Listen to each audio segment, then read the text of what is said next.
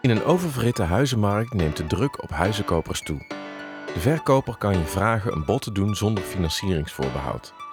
Wat houdt dat precies in en hoe pak je dat aan? Welkom bij de Visie Hypotheek Podcast. In deze aflevering kopen zonder financieringsvoorbehoud. Doen of niet?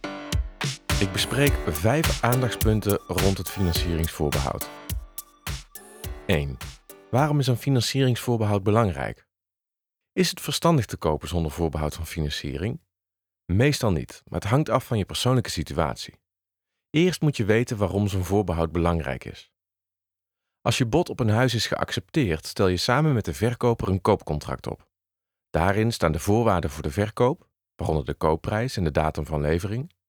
Daarnaast bevat het contract ontbindende voorwaarden. Die bepalen onder welke omstandigheden de koop niet doorgaat. Het financieringsvoorbehoud is daar één van. In de meeste koopcontracten wordt het zelfs standaard opgenomen.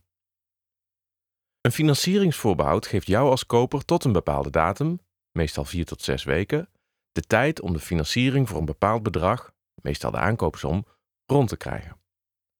Lukt dat niet in die periode, dan kan de koop ongedaan worden gemaakt, zonder dat je de verkopers een forse compensatie moet betalen. Een nuttige ontsnappingsroute, om verschillende redenen. Op het moment dat je een bod doet, heb je namelijk nog geen zekerheid over de financiering. Soms lukt het niet om de gewenste hypotheek te krijgen. Bijvoorbeeld als de geldverstrekker vindt dat je inkomen te laag is om de lasten van het huis op te brengen. Of als de geldverstrekker de woning niet als onderpand voor een lening wil, omdat er iets mis is met de fundering of bouwkundige staat. Ook veranderingen in jouw persoonlijke situatie kunnen financiering dwarsbomen, zoals kredieten waar je je niet van bewust bent, maar ook ontslag, uit elkaar gaan of arbeidsongeschiktheid. De drie dagen bedenktijd die je als koper hebt, zijn vaak te kort om dit vast te stellen.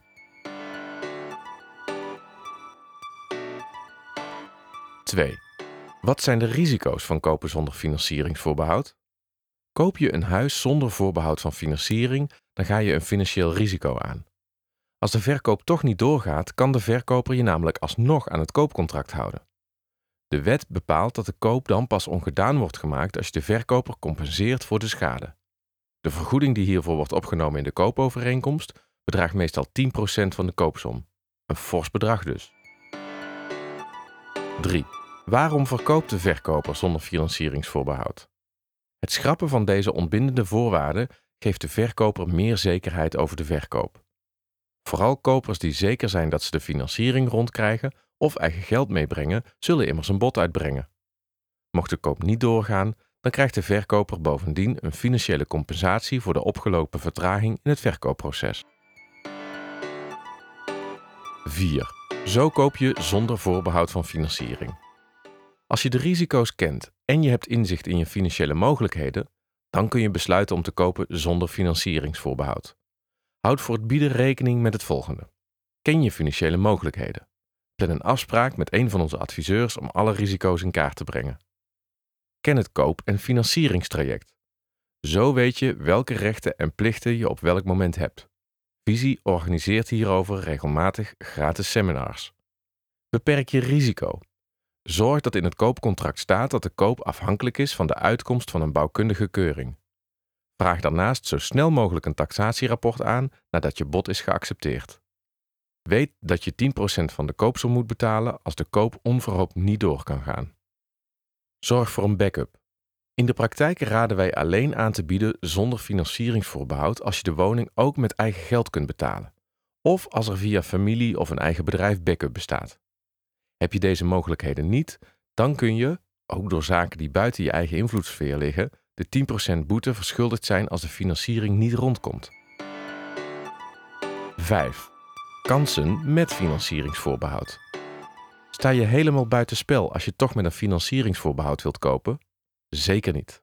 Onze ervaring is dat verkopers vaak toch akkoord gaan met een financieringsvoorbehoud als er genoeg vertrouwen is dat de verkoop doorgaat. Door de verkoper zoveel mogelijk zekerheid te bieden, kun je je kansen dus alsnog beïnvloeden. Belangrijk is dat de verkoper een beeld heeft van jouw mogelijkheden en voorbereiding.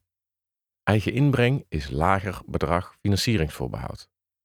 Informeer de verkoper dat je eigen geld inbrengt bij de aankoop. Dat maakt acceptatie van een hypothecaire lening makkelijker.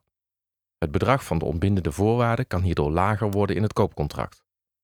Kortere termijn financieringsvoorbehoud. In plaats van 4 tot 6 weken kun je ook een kortere termijn laten opnemen. Hoe beter je de financiering met je adviseur bijvoorbeeld hebt voorbereid, hoe sneller je hypotheekaanvraag verloopt. Verklaring hypotheekadviseur.